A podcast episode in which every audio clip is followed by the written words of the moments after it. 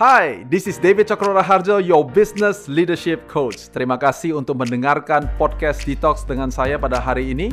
Jangan lupa untuk share Detox ini dengan teman-teman kamu. I hope you enjoy this podcast.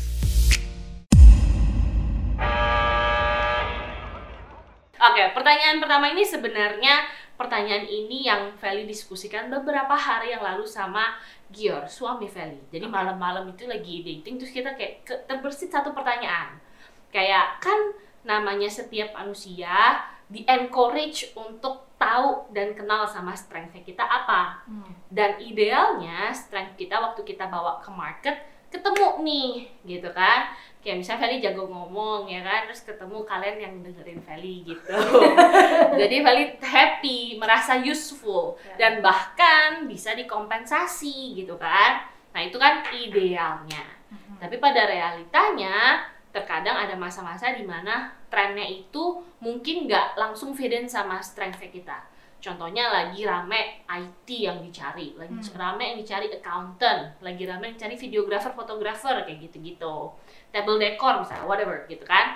Nah, tapi kebetulan strength kita nggak lagi tren gitu, nggak ada di tren itu. Nah, pertanyaannya adalah apakah kalau misalnya lagi begitu berarti strength kita itu jadi gimana ya kayak kurang berguna gitu. Dan kalau sampai itu terjadi dalam kehidupan kita, apa yang perlu kita lakukan?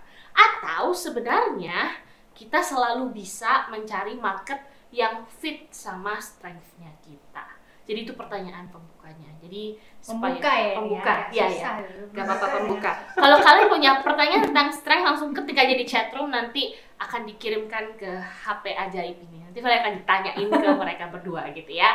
Tapi tadi pertanyaan pembukanya mungkin uh, David bisa jawab duluan. Kalau dari dunia laki-laki udah pasti adalah laki-laki, we are ya. only good in a one or two or maybe three things, you know. Tapi biasanya kalau bertemu dengan wanita mungkin ada satu persepsi gitu bahwa adalah woman is a wonder woman can do anything seperti istri saya, seperti ibu Bia, seperti, you know.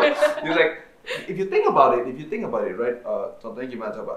Uh, jagoan, sekolah, pinter, ya kan, bisa kerja, bisa jadi istri, bisa jadi mama, and and, and it doesn't mean that I'm not a husband, I'm not a, a dad. It's just that uh, you know kualitasnya beda aja gitu, kesabaran things like that. So I think I think that um, kalau dilihat dari sisi itu berarti ada strength yang sifatnya itu uh, universal. That's what I think gitu. Tapi when it comes to kerjaan kita, I think that I believe ini kepercayaan. Pasar pandang saya adalah Anda tidak bisa melakukan semuanya. Ya. Hmm. Alright, so I'm gonna give you an example. Um, waktu saya lagi kuliah, saya ambil tiga kali, ambil kelas namanya CS 101, bukan customer service. Oke, itu adalah Introduction to Computer Science. Wow. Oke. Oke, tiga kali. Bukan karena Tiga kali Bukan- lulus maksudnya. Ah, betul.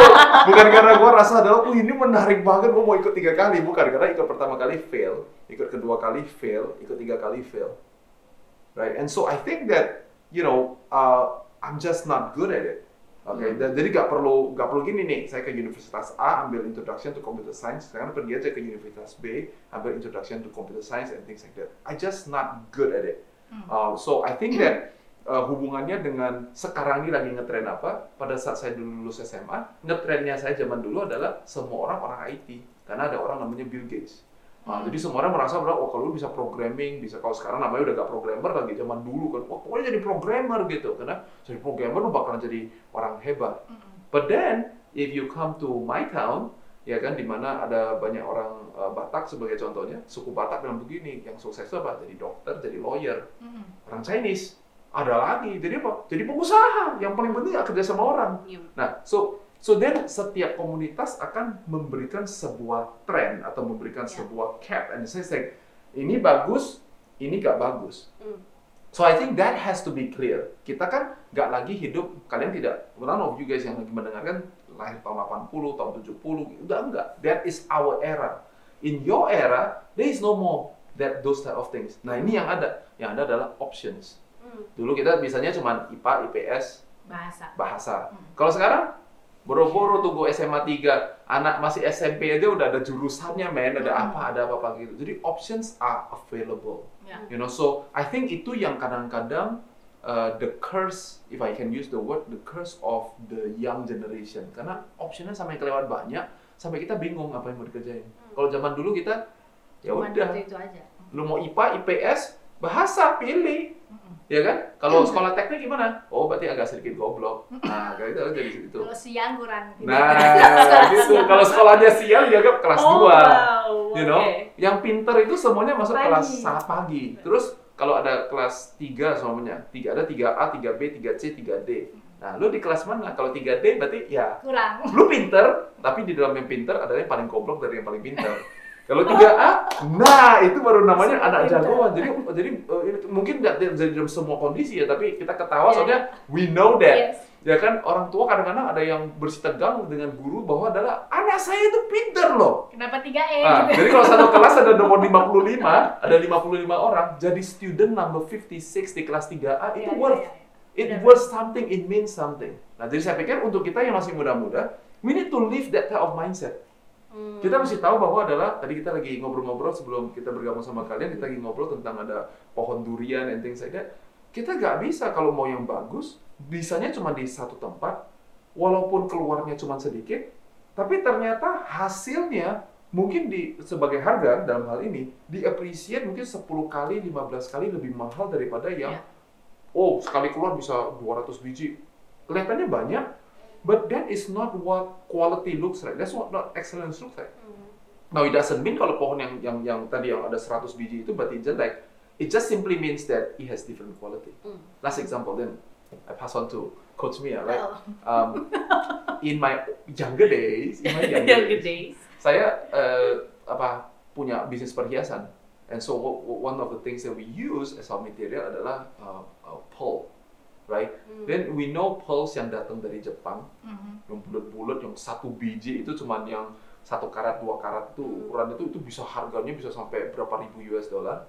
And then kalau ambil dari tempat di mana saya ambil barang, satu strand, satu satu panjang begini harganya 50 sen. Hmm. 50 sen US dollar dilawankan Oke. dengan harga 2000 US satu biji, Oke. right? So here's akhirnya we come into a place where we do the business, di mana kita gak cuma jualan retailnya, kami masuk turun sampai ke uh, farmnya sendiri. So the way they do it, as we all know, oyster dibeler, uh, oyster yang benar-benar yang organik, ada uh, apa itu namanya iritan yang masuk, kemudian dipoles, dipoles, dipoles, dipoles. Nah itulah namanya akoya. Wah itu satu biji sampai ribuan dolar, kan Hmm. begitu ya. Nah kalau yang di freshwater pearl-nya kita begini caranya, oysternya dipaksa dibuka, ambil uh, apa pisau silet, di, di, di, di, di, ditaruh iritan, tapi iritannya nggak satu, iritannya lima sekaligus, sat sat sat sat sat, Oh, tutup lagi masukin lagi ke dalam. Ah, Gak lama lagi oke. keluar. But the quality says everything. Because the Hmm. Akoya pearls, right? Dia ada di sana, butuh waktunya proses. literally Iya. ada yang sampai dua tahun kemudian baru bisa dipanen. Sedangkan freshwater pearl literally dalam waktu dua bulan, tiga bulan maksimum sudah bisa dipanen. Hmm. Yang sini satu biji, yang sini lima biji. Kalau yang lebih gede, ya saya bisa lihat dalam satu biji bisa keluar 20 biji. Tapi 20 biji itu nggak seharga yang di sini. Yang Nah, pertanyaannya kalau gitu, yang ini salah nggak? Kagak salah juga sih freshwater pearl. Ya. Karena a lot of the jewelry that a lot of people use, bud- uh, cantik dan semua semuanya, which freshwater pearl. Ada marketnya. Ada pasarnya sendiri betul. Tapi di sini Akoya, Akoya is a completely different market lagi. Cuman ada beberapa orang yang bisa beli. So it all different depends on like you know kita taunya kita bagusnya di apa and continue to be excellence in that sector and then after that people will appreciate it over time. Ya. Hmm. Yeah. What do you think? Mi? Setuju aja. Eh, penambahan dong, kayak pengalaman. Dikurangin boleh nggak? Eh. Boleh. Saya pasang cincin dulu tadi.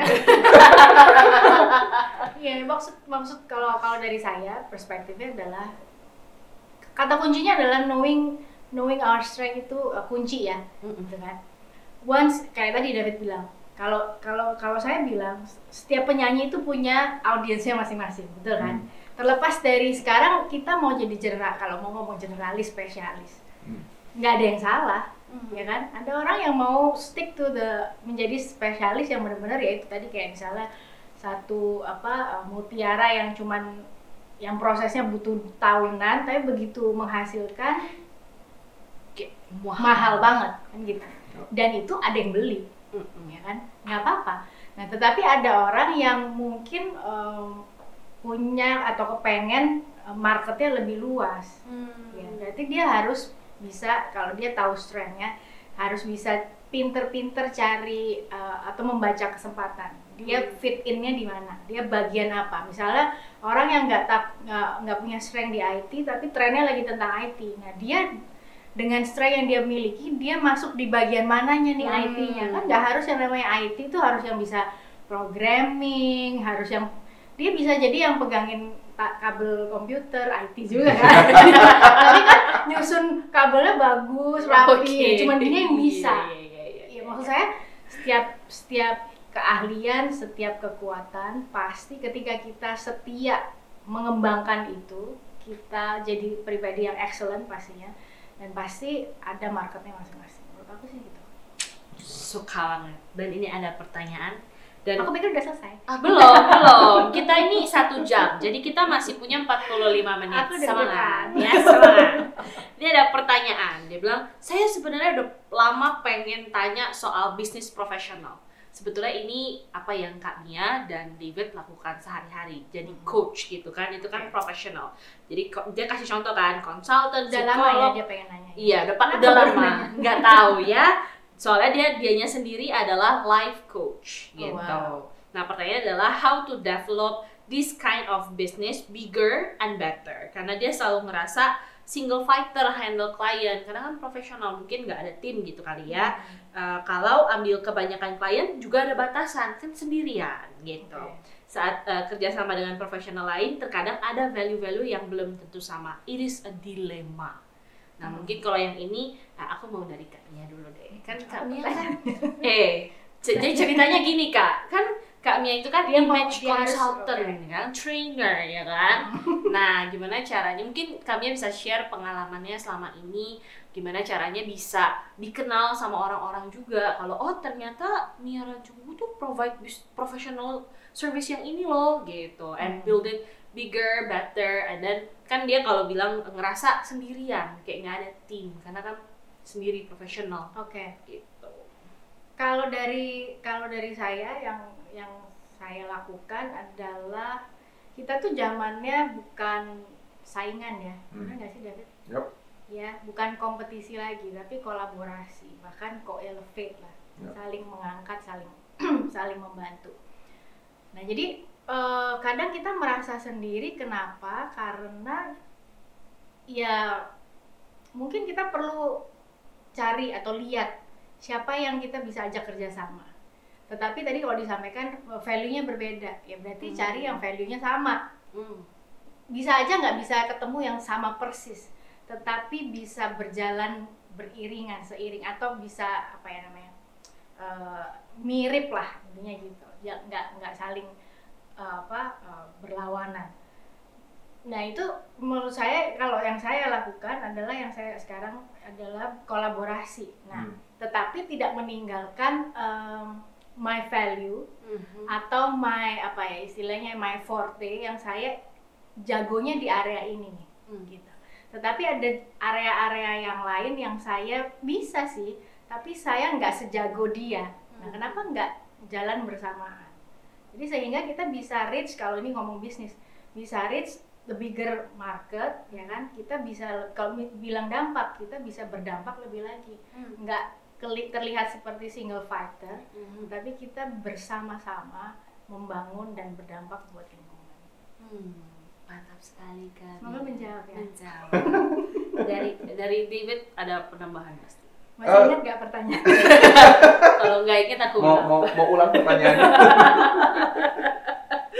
I think I think segala sesuatu yang kita ajarkan kalau kalian sudah cukup lama ikut sama saya it all begins with a very basic question you know why do you do what you do Ya. Hmm. okay um saya mau jadi life coach Uh, saya tidak pernah menyebut diri saya sebagai a life coach saya menyebut diri saya sebagai seorang business leadership coach jadi saya coach apa I'm a leadership coach. Di bidang apa? Bisnis. Apakah itu berarti bahwa kalau ketemu sama orang yang uh, dia lagi cari uh, life coach, apakah berarti saya tidak bisa berkontribusi? Tentu bisa. Ya. Tapi itu bukan mainan hari- utama ya, saya. betul. Kalau tadi uh, coach Mia bilang that is not my forte. Uh, uh, political leadership coach boleh nggak? Well, I know a thing because leadership is leadership. Hmm. Di dunia politik, well, hubungannya yang pasti saya bisa bercerita tentang berkomunikasi, perspektif, problem solving, banyak yang bisa di- disamakan. Tapi I am not a political. Uh, that is not my specialty. Yeah. Specialty saya adalah business. Ya. So when you talk about business and you are the leader and you want to be coach, I should be your guy. Hmm. Nah, so demikian. Jadi kita mesti tahu kita lagi mau ngapain. Nah, kalau sudah kita mau ngapain, berarti sekarang kita masuk ke level kedua. Mhm. Uh, a vision is useless kalau semuanya dia tidak tahu apa yang mau dicapai. Jadi ada kita harus bedakan antara visi yaitu yang saya kita bisa why we do what we do, and then intentnya apa, gitu. Jadi setelah di leadership coachingin sama si David, hasilnya apa dong? Intentnya apa di dalam perusahaan kita? Kita bilang gini, intentnya adalah you are trying to create 10 miliar rupiah in revenue. Hmm. If you are trying to make cuma 100 juta rupiah in revenue, kami belum tentu adalah orang yang tepat buat Anda. Hmm. Oke. Kemudian kalau semuanya dia bilang gini, gua mau 10 miliar tapi evaluasi, bukan revenue-nya. Mhm. Even though background saya, part of my background adalah investor, that is also not who I want to coach. Jadi clarity itu sangat luar biasa penting sekali. Ya. Sehingga di dalam organisasi kita, saya nggak eh, siapa yang punya hak, kalau saya berkata hak, untuk mengambil waktu one on one dengan David. Hmm. Itu nggak semua orang. Kenapa? Berarti Anda harus mau di coaching tentang business leadership, Anda mau tahu intentnya mau pergi ke mana, dan Anda berani bayar harganya, punya resourcesnya. Oke, sudah punya kan? Inilah orang-orang yang ketemu dengan one on one. Nah, yang lainnya bagaimana? Well, ada begitu banyak orang yang, jadi saya tidak merasa bahwa adalah kalau ada orang lain yang cuma mau adalah bagaimana caranya supaya brand kita itu bisa jadi brand yang dikenal di satu Nusantara. Hmm. I don't have a problem with it, but don't get one on one with me. Because that is not itu cuma sebagian daripada keseluruhan yang di mana saya adalah coach yang tepat.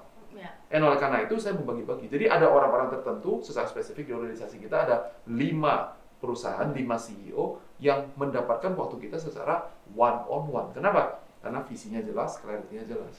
Dengan demikian, saya belum pernah memberikan pekerjaan itu kepada Feli atau kepada tim kita yang lain. Kenapa? Because unfortunately you are not that coach. You you are not equipped to serve these five people. Only I can serve it. Nah, ini di dalam dunia kita mungkin ini yang sifatnya lebih premium.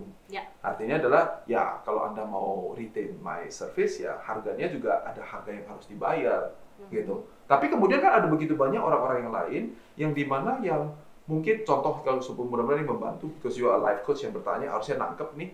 Kalau saya mau ke Surabaya, saya tahu bahwa Semarang, Jogja, atau mungkin lewat Makassar itu semuanya adalah cara alternatif untuk pergi ke Surabaya. Hmm. Tapi kalau saya bilang ke Medan, loh Medan itu adalah menjauhi dari posisi Hmm. Jakarta ya, itu menjauhi itu berlawanan arah dengan arah yang kita mau pergi. Hmm. Jadi harus ada yang kalau arahnya berlawanan, I have to say no. Nah kalau kalian lihat di Instagram kita, di kita punya YouTube, di tempat-tempat yang kita give away for free, itu ada tempat-tempat yang di mana adalah oh ada yang mau ke Pekalongan, oh ada yang mau ke ya kita sediakan aja. Kita sediakan da- dan dan um, uh, saya menyarankan uh, yaitu adalah di tempat yang di sini ini kita bisa buat tim. What it means is that to do one on one with me, only I can do the job. Tapi kalau pergi ke tempat-tempat yang lain ini, oh saya bisa involve tim dan saya bisa bangun tim dan ini yang penting. Ini perjalanan saya dan Feli yaitu adalah pada saat saya sudah delegate the task, not the responsibility, saya sudah kasih messianic title ke Feli, ya kan? Nah, jadi ini semuanya bagian yang semuanya sudah ada di dalam kita. Saya nggak tahu nama judul kita apa, but Iya. later on you can say. Tapi ini semua yang kita sudah pernah ajarkan kepada kalian semuanya. I don't just tell like, you are my glorious jongos. I say what, you do what. No, if you call, mungkin kita tidak secara sengaja kasih title ke orang kita, glorious jongos, ya kan? Tapi kita kasih namanya gini, um, as a junior manager. I don't understand what is junior manager. Manage what? Hmm. Oleh karena itu, saya kasih title-nya yang messianic title. Artinya title kalau dikasih itu, orang tuh bisa gini, kalau gak ada gua, ini perusahaan gak jalan nih, tim gua gak jalan. Itu namanya messianic title. Oke, habis kasih messianic title, kita juga kasih delegate the task. Gak langsung cuma kasih, kan gua udah kasih messianic title-nya, go do your messianic thing. Enggak, saya kasih tahu. Bahkan kita ngajarin, kita tunjukkan, kita modelin. Nah, when I transfer my authority to you sebagai CEO daripada Sekarang Indonesia Perkasa, saya harus mengambil tiga langkah mundur. Gak ada, masa ada orang lari, apa itu namanya, yang estaf estafet, thank you. Batonnya udah dikasih, Lagi. lari, tapi saya terus ikut lari juga begitu. Ya perusahaannya nggak jalan. Nah, tapi be- dibedakan. Yang sesuai dengan clarity daripada why I do what I do, yang cuma David bisa lakukan, saya tidak pernah membebankan Feli atau orang lain untuk melakukan. Hmm. Ya. Itu saya kurang bijaksana, alias goblok. Dan orang, ya, kalau orang bisa lewat Feli umur 20-an, pengalaman cuma segitu, udah bisa bantu orang bikin 10 miliar, Ya, ya ngapain Davidnya dia ada di perusahaan ini, buka PT aja sendiri. Hmm. Nah, tetapi dalam perjalanannya ini kita mendapatkan satu sweet spot di mana we build a business yang di mana juga seperti bosan Coach Mia bilang kita berkolaborasi dengan beberapa orang yang lain dan kita bikin konten, kita bikin sesuatu yang di mana bisa dinikmati bareng-bareng. Ya. Hmm. Alright, my last my last one itu adalah when you do this, uh, sebagai contohnya bersama dengan Mia, kita langgeng kerjanya, nggak banyak gontok-gontokan, nggak perlu gimana. Kenapa? Soalnya landasan kita sama. Ya. Landasan kita adalah berkontribusi itu ceritanya adalah berkontribusi dulu, kita coba pasarnya, kita coba kontennya. Mungkin nggak langsung berjalan, kita cari lagi. Tapi kata kuncinya adalah berkontribusi. Dengan kata Ya. lain adalah uh, generosity begets generosity. Yes. Right? Pada saat kita murah hati dan kita fi- filosofi kita adalah wah ada orang yang membutuhkan, ayo dong kita coba yuk, kita coba yuk. Tapi mungkin pada saat kita lakukan itu, mungkin later on kita figure out itu arahnya ke Palembang. This is not Hmm, where we are yes, heading. Ya, jangan jangan terus dilanjutin. Hmm. Itu namanya juga juga kurang bijaksana, ya. Tapi kalau kita lakukan, oh itu adalah ke Pekalongan, oh itu adalah ke Semarang, oh itu adalah ke Pasuruan, oh ini in prinsip kita satu arah. Ya. Nah, yang di sini sini belajarlah untuk berkontribusi terlebih dahulu, build your team, serah terima and all those sort of things. So perjalanan kita tiga tahun, Mhm. tiga Iya. tahun kemudian, I don't do actually anything in the between di sini. Fokus saya remains I do one thing that nobody in this organization can do. Nah, Hmm. mudah-mudahan ini membantu untuk supaya nggak merasa sendirian dan Mhm. juga you know bingung. I think the business of coaching, I don't know if Mia agree. Sometimes is that you know you have to know whether this person is going to be uh, sudah punya belum bahan dasarnya untuk bisa kerja dengan uh, apa di coaching sama kita. Ya. You know, kalau dasarnya adalah kalau ini coaching sekarang kita bisa simple coaching, you know, communication, ini life coach yang mungkin kita cerita ke gym ya, as like personal trainer, Iya. coaching kayak gitu. Mhm, mhm. Kalau pada dasarnya disuruh angkat semuanya dumbbell, semuanya uh, satu kilo gitu, angkatnya gini, bisa naik-naik. What I would say is that you're not qualified. Hmm. I think that's a discipline of a coach. Jadi Iya. saya nggak mau cuma coaching siapa aja. Ya. Apalagi cuma sekedar supaya kelihatan keren. Oh my God, that is the worst recipe to become a coach. Right? I am a coach. You have to come in dengan basic ingredientnya udah ada. Oh, sudah pernah push up, sudah pernah sit up, sudah pernah... Oke, cuman lu nggak bisa 100 kali. Lu bisanya cuma tiga kali langsung jatuh. Nah, saya memang udah bisa 1000 kali. Gua ngajarin lu ya, dari 3 ke 30 caranya bagaimana. Jadi harus ada bahan dasar. So you have to determine bahan dasar apa. And that is what I, we have perfected over time. We understand like which person to accept, which person kita cuma bantu, kasih ilham, istilahnya kasih inspirasi, but no need to pay. Just stay there because you are not ready to engage us. Dan yang di mana ya mungkin dia agak cocok sama kita, malah dia mungkin kasih komentar yang aneh-aneh, masuk kanan keluar kiri, oh, fire in the hole.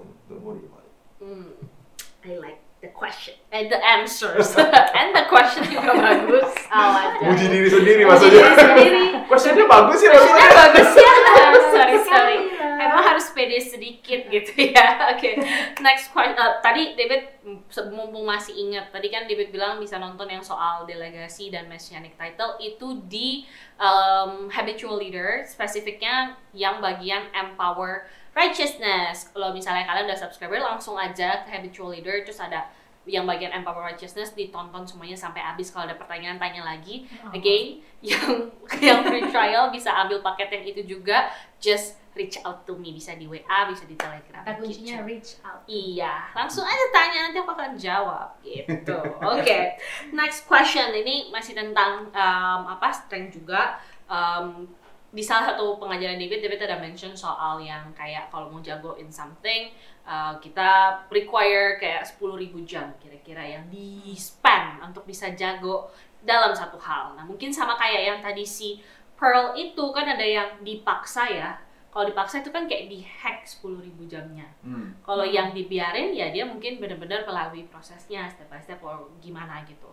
Nah pertanyaan adalah em, apakah possible kalau kita mau hack that 10,000 hours jadi lebih singkat mungkin Eh, dan apakah itu hal yang salah kalau dilakukan dan gimana caranya eh, kalau misalnya itu boleh dilakukan gimana caranya nanti kami juga bisa nambahin Oh, jadi tanya saya dulu. Iya. Oh, oke. Thank you, Vel. oh gitu ya gantian sih aku sebetulnya Well, first of all, uh, we didn't coin 10,000 hour rule. Iya, 10,000 iya, hour iya. rule ditulis oleh Malcolm Gladwell. Mm-mm. Uh, cerita bahwa dia memberikan begitu banyak data dan contoh-contoh bahwa 10.000 jam adalah rahasia to become great.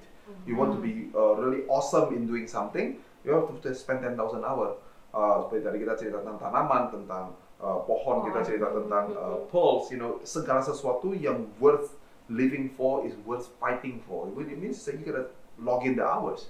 Ya, nah, nggak ada orang yang genius-genius begitu. Ya. Uh, Thomas Alva Edison bukan tiba-tiba satu kali kerjakan dan langsung me- Hmm. mendapatkan uh, light bulb, tapi uh, orang mengatakan dia punya ribuan uh, uh, eksperimen yang salah, Mhm. sehingga dia mendefinisikan bahwa yang salah itu membuat saya tahu bahwa adalah oh yang ini cara yang salah, ini cara yang salah, cara yang salah, sehingga dia terus mencari cara yang benar. Yang ke seribu kali, barulah dia mendapatkan cara yang benar. So this 10,000 hour rule is bahasa zaman sekarang. Hmm. Zaman dulu we talk about Thomas Alva Edison dengan adalah uh, 999 ways of doing the, the, the wrong things, and then ke seribu kalinya kita mendapatkan the right way to do something. Jadi saya pikir uh, that is also true pada saat by the time I read Malcolm Gladwell punya tulisan, I can reflect that a lot. Hmm. Karena saya ini sebetulnya lebih banyak uh, kalau saya uh, menghitung pakai kalkulator lebih sering jatuhnya daripada berhasilnya. Contoh uh, sebelum uh, s- uh, 10 tahun karir saya yang pertama tiga kali exit.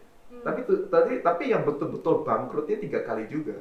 Tiga Hmm. kali bangkrut untuk tiga kali exit. Di is somewhere di dalam bangkrut total sama sukses exit total di tengah-tengahnya ada yang balik modal, ada yang you know untung 5%, ada yang you know all those side of things. Jadi kalau di situ tuh so one of the people that that I like to use like Michael Jordan, you know, you name it, every great players they always say this. They say like kita menang karena kita ingat when we make the shot.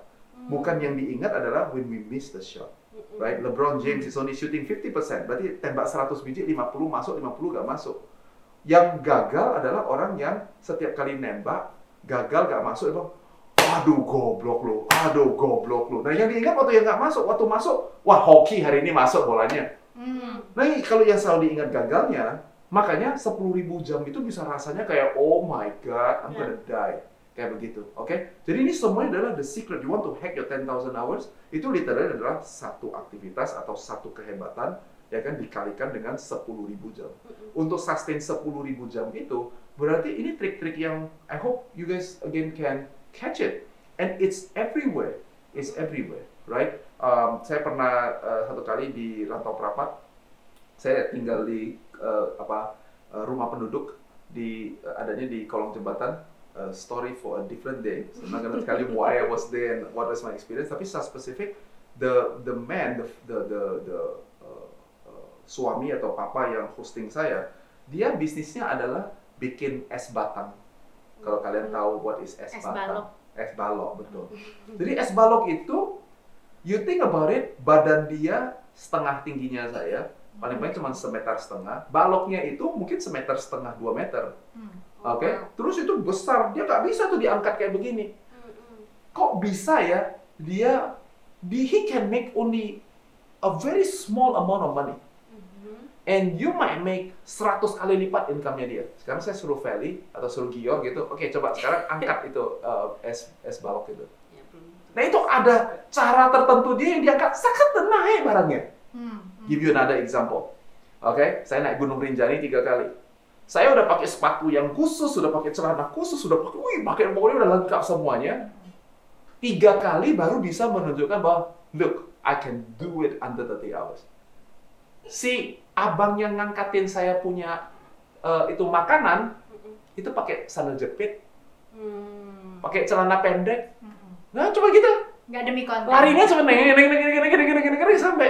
Nah, that's what 10,000 hours look like. ya So he is great in doing that one job.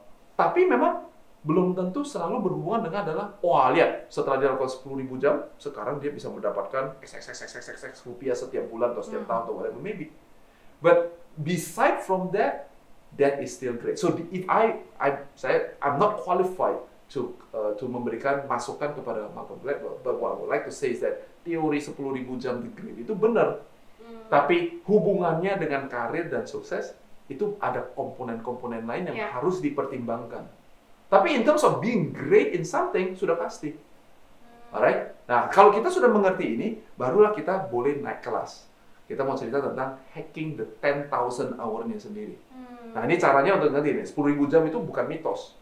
Itu benar. Tapi bisa kaliannya dengan adalah eh, cara eksperimen, lihat yang benar atau yang salah itu semuanya 10.000 jam. Nah, sekarang kita mau hack. Now, you want to hack, I'm, I hope I don't sounds like a broken record, Hmm. but every time you want to hack something, itu berhubungan dengan purpose. Why do you do what you do? Hmm. Contohnya, karena ini dunianya kita, ini dunia coaching, itu sebabnya buku is my friend. Sebelum ada webinar zaman dulu, seminar is my friend. Kalian pernah dengar teknik-teknik saya? Saya eh, ada satu orang bernama Dr. A.R. Bernard. Hmm. Itu dari New York.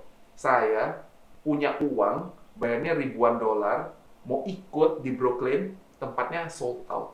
Oke. Oke, di Indonesia orang disuruh bayar pada saat itu ini 11 tahun yang lalu disuruh bayar adalah 10.000 perak. Eh, sorry, 50.000 Hmm. rupiah. Saya lagi bikin ini ya Bernard yang sama gak ya? Saya lihat fotonya sama. Dari organisasi yang sama, semua sama. I was in shock. I thought 50.000 rupiah. Ini 2.000 dolar. Ada uang, gak bisa duduk. Hmm. Ini 50 ribu rupiah. Jadi satu kali beli, langsung beli 20 biji. Saya pikir 20 biji itu masih lebih murah daripada investasi satu orang. Iya. Oke? Terus di sini 4 jam. Di situ 2 jam. Jadi satu jam 1000 dolar. Hmm. Terus saya beli 20 biji. Saya kasih ke orang. Orang bilang gini, Aduh, kalau denger dia ngomong kepala gua pecah. Aduh, susah. Aduh, yuk, aduhnya segunung. Oke? That's how you want. Do you want to hack 10 your 10,000 hours? You have to have a real purpose. Ya. Purpose saya jelas. I have to learn from the best. Kalau kalian mau menjadi pemain basket yang hebat, you don't want to play sama yang lebih jelek dari kita. Kita pasti mau main sama yang lebih bagus dari kita. You always want to pick people, people, people yang lebih hebat, baru bisa belajar. Waktu masuk, kita mesti, mohon maaf, ada orang yang kalau bicara, belum lagi dia buka mulut. Saya udah tulis di handphone saya, ini kebiasaan saya by the way, saya tulis di handphone saya, kalau topiknya itu, saya mau ngomong apa ya? Saya tulis di sini udah selesai, saya kasih ke istri saya, lihat ya, udah selesai. Dia ngomong, dia ngomong tiga poin, saya sudah tulis 10 poin. Saya udah lebih hebat dari pembicara. Itu yang by the way memberi kepada saya confident untuk kalau pegang mic, I know that I can contribute in this room. Hmm. Because I know better than the previous speaker. I know more. Tapi kalau ketemu kayak orang kayak Benar, itu tipe yang duduknya nggak bisa sambil ya just talk lah, just talk. Terus nggak nyatet lagi. Nggak bisa, itu tipe yang dia sebelum bicara, saya bilang kalau dia ngomong itu, saya mau ngomong apa ya? Saya tulis. Hmm. Udah saya tulis, kertasnya poinnya tuh tong, tong, tong, tong. Waktu dia ngomong, di sebelah kanan adalah dia ngomong apa. Setiap kali dia ngomong, ah ini poin saya, saya taruh di sini. Saya taruh di sini. Hmm. Sehingga waktu udah selesai, saya tahu tadi dia ngomong apa, saya datang, saya mau ngomong apa, dan Hmm. setelah keluar saya bilang adalah, now I know why he is better than me. Now I know dia punya dia punya perspektif masuknya itu. Ya. Wah, luar biasa banget. Ini dunia saya ya. Ini nggak berarti kalian semuanya mesti praktek itu. Tapi di dunia kalian masing-masing, mau nggak ini pakai gregetannya kayak gini? Kalau bahasa Inggrisnya grit, kalau bahasa Inggrisnya gregetan. Gitu. Mirip. Nah ini kan mirip dong, grit saya, grit back grit gitu. tapi tapi ini yang eh, itu sebabnya ada orang yang cuman habisin tiga bulan, tiga minggu, eh keluarnya keren banget. Tapi ada orang yang udah tiga tahun, udah 30 tahun masuk ke gym, tetap aja turun badannya enggak apa. You have you don't see improvement. So you want to hack it, first you have to believe in that 10,000 hour. Now you want to hack it, berarti you have to put yourself in a completely different challenge. Nah, hari ini masuk ketemu contoh yang kita sebut dengan orang ini semuanya ARB kita ketemu dia pertama ketemu kita kayak betul-betul orang goblok, blow on abis. Udah selesai, Fit, belajar apa tadi lu ikut seminar tuh? Waduh, gak tahu ya. Betul-betul dia sambil ngomong gua betul-betul sampai betul ah betul-betul puyeng deh. Gua setidaknya migraine sekarang gua gak ngerti. Oke, pertama kali. Kedua kali pergi, gua bisa oke, intinya tuh gua nangkep tadi waktu dia lagi joking gitu ya. Gua gua nangkep tuh lucunya apa itu.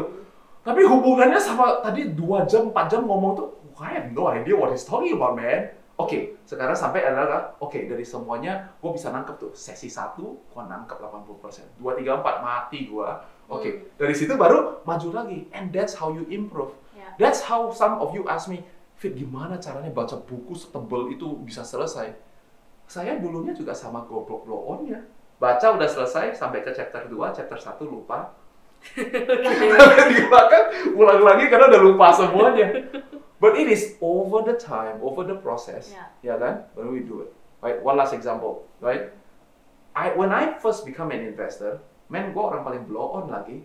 Okay, so I sit in a room, everybody is talking about um, uh, apa itu namanya uh, CN. Jadi CN-nya mau begini, CN-nya mau begitu, CN begitu.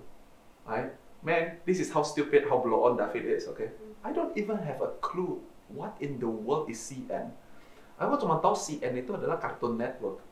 Oke. Oke. Oh, Karena punya anak soalnya Cartoon Network. Saya ngapain ya kita lagi cerita investasi kok Cartoon Network dibawa-bawa ke sini nih ngomongin apa ini ceritanya? And I have to learn, have to be humble and nanya sama orang tuh, eh CN nih, I'm so sorry man, I'm such a fool. But if somebody tell me what is a CN, maybe I can say something about it. Convertible note fit. Hmm.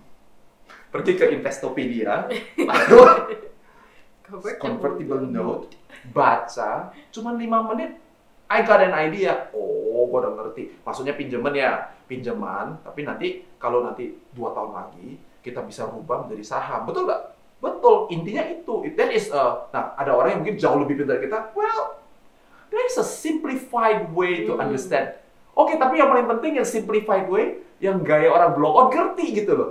Nah, that's how you then grow then gitu. Nah, if you do it, itu sebabnya saya cuma butuh 18 bulan, saya cuma butuh less than 2 tahun.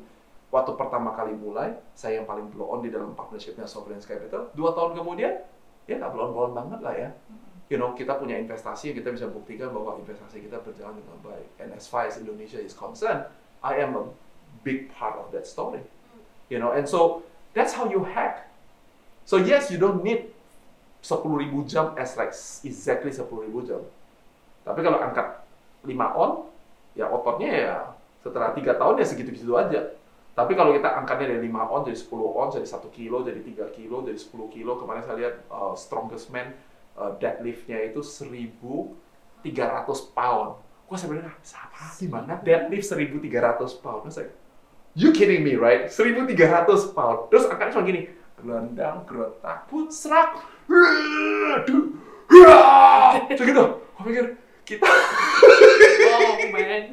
That's how a lot of people think about excellence. Kita lihat orang narik 1.300 pound dan kita pikir gila ya kuat ya. You stop at wow and you never think Iya. about how did he go. Yeah, yeah. Giants don't start with 1,300 pounds. Giants, you start with a baby, start with crawling.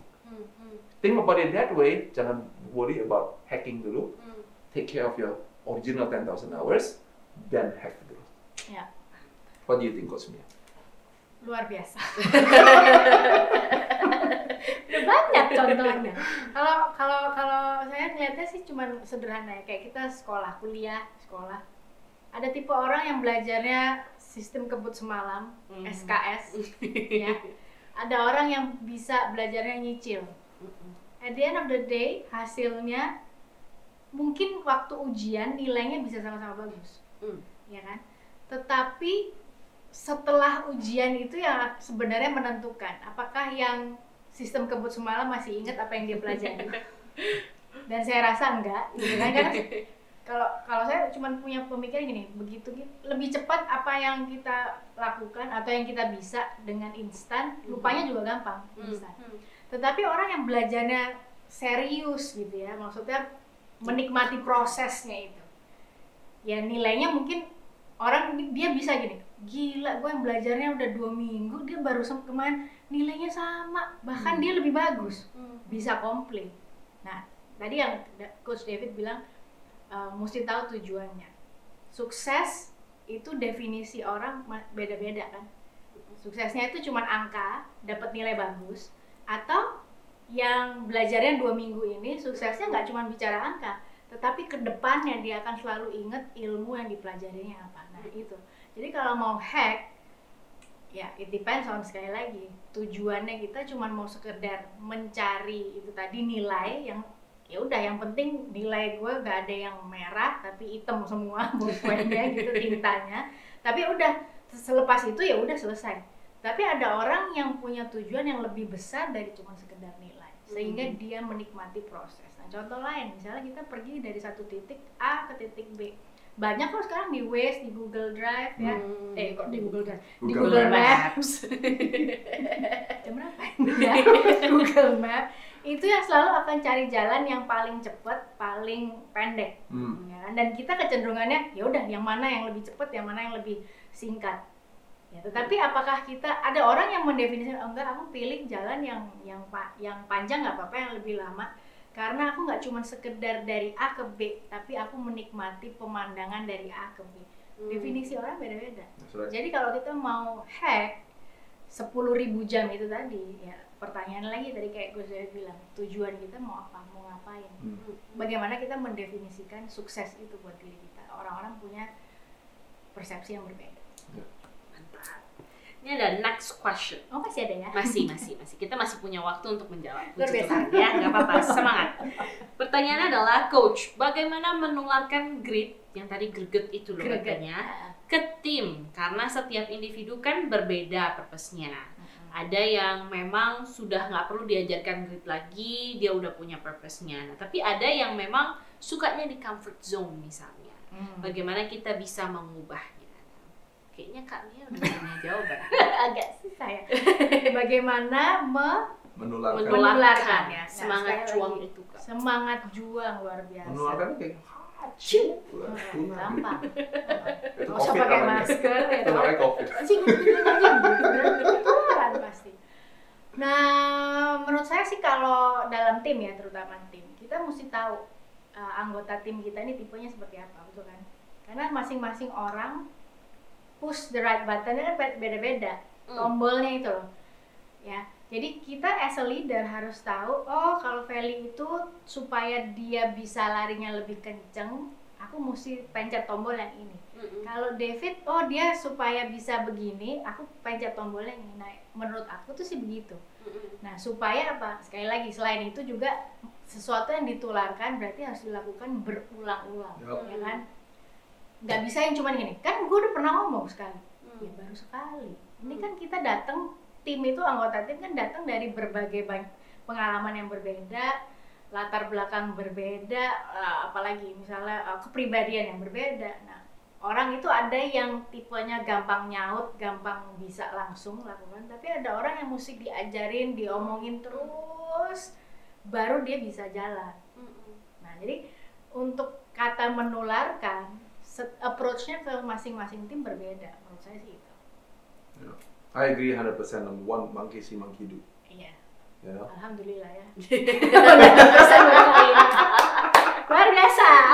it's like, like I, I mean like you know, uh, you know, we, we want our people to punya gregetannya gitu ya. Tapi kita sendiri gak ada gregetannya. Right? Uh, kita maunya adalah berani dong hidup susah. Kita sendiri gak berani hidup susah. Nggak pernah Ya hidup susah. Gak pernah hidup susah. You know, uh, apa namanya? uh, masa gitu aja gak bisa? Tapi anda sendiri gak bisa.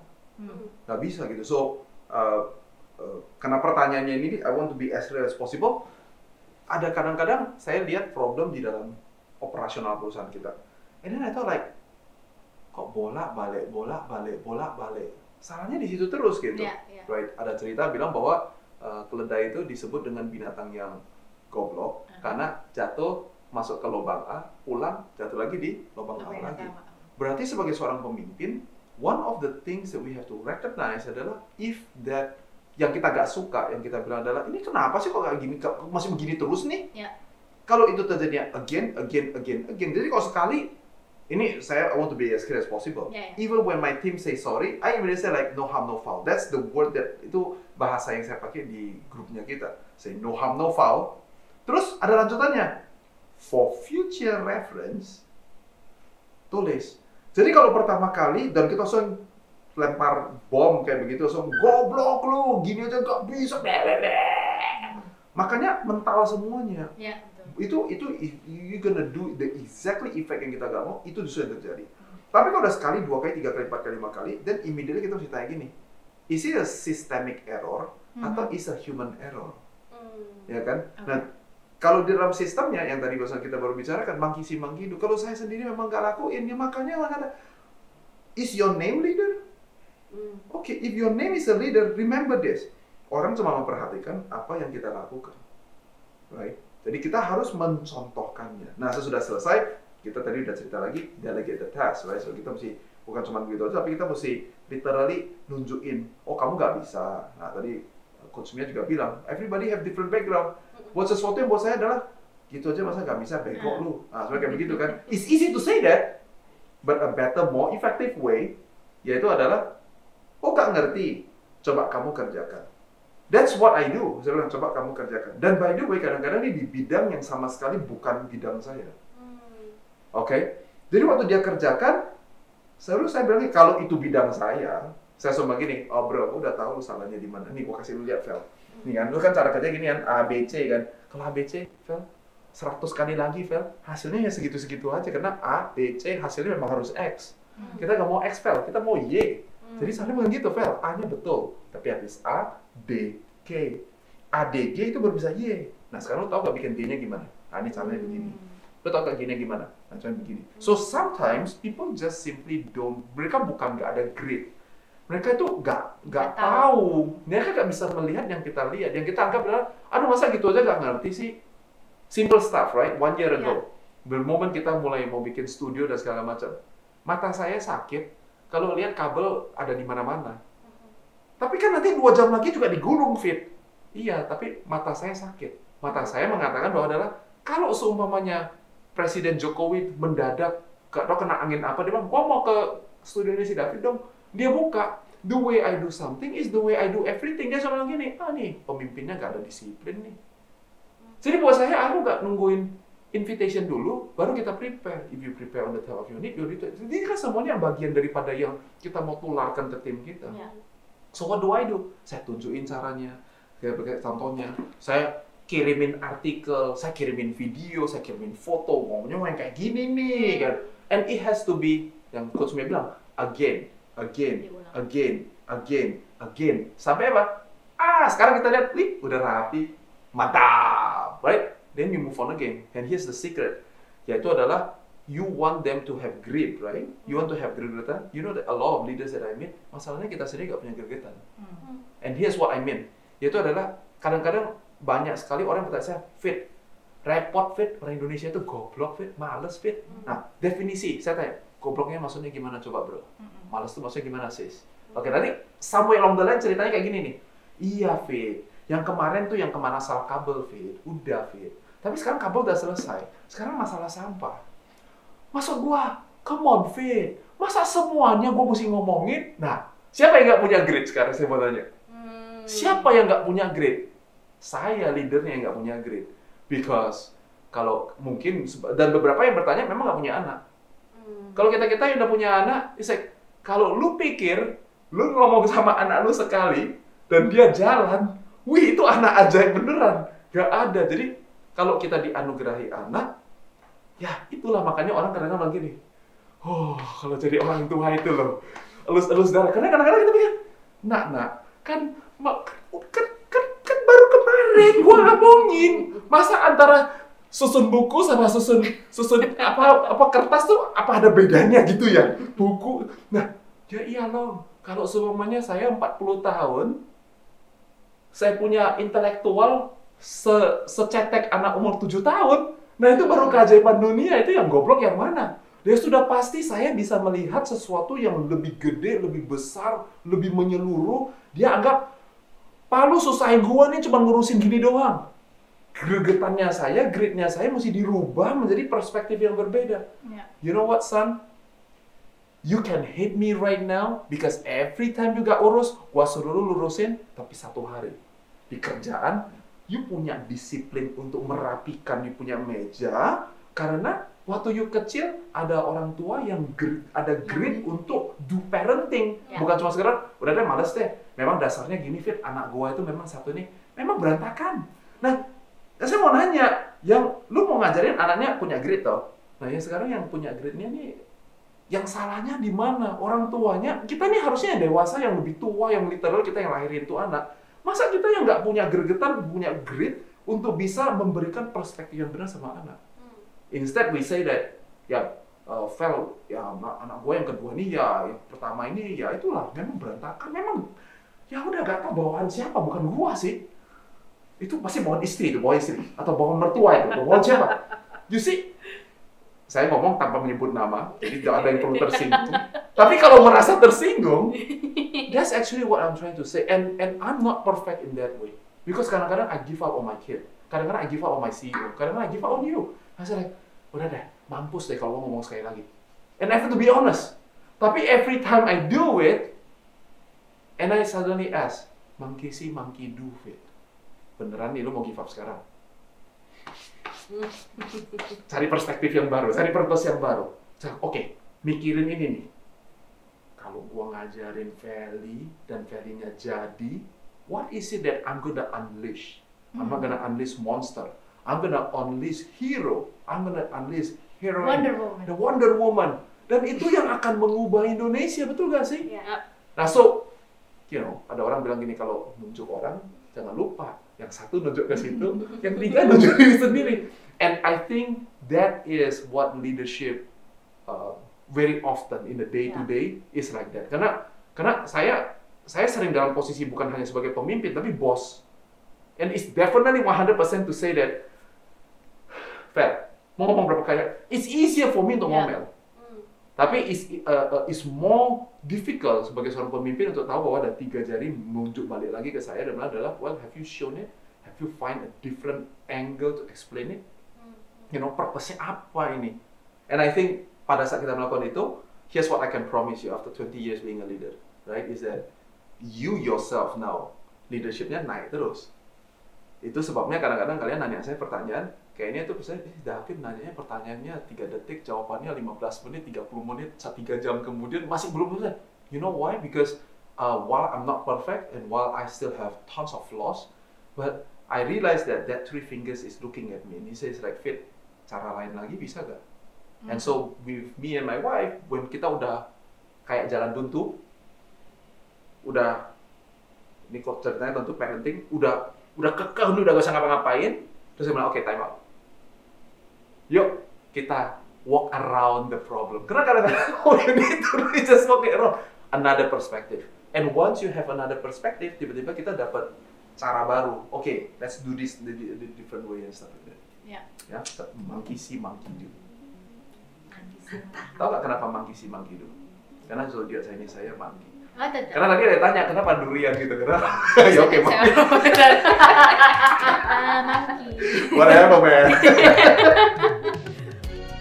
Thank you for listening to Detox with David Chokro Raharjo. Please share this podcast to all social media that you have. Kalau kamu mau tahu lebih banyak tentang Coach Diti, kamu bisa cek description box dari Detox ini atau go to our website di www.davidcokroraharjo.com.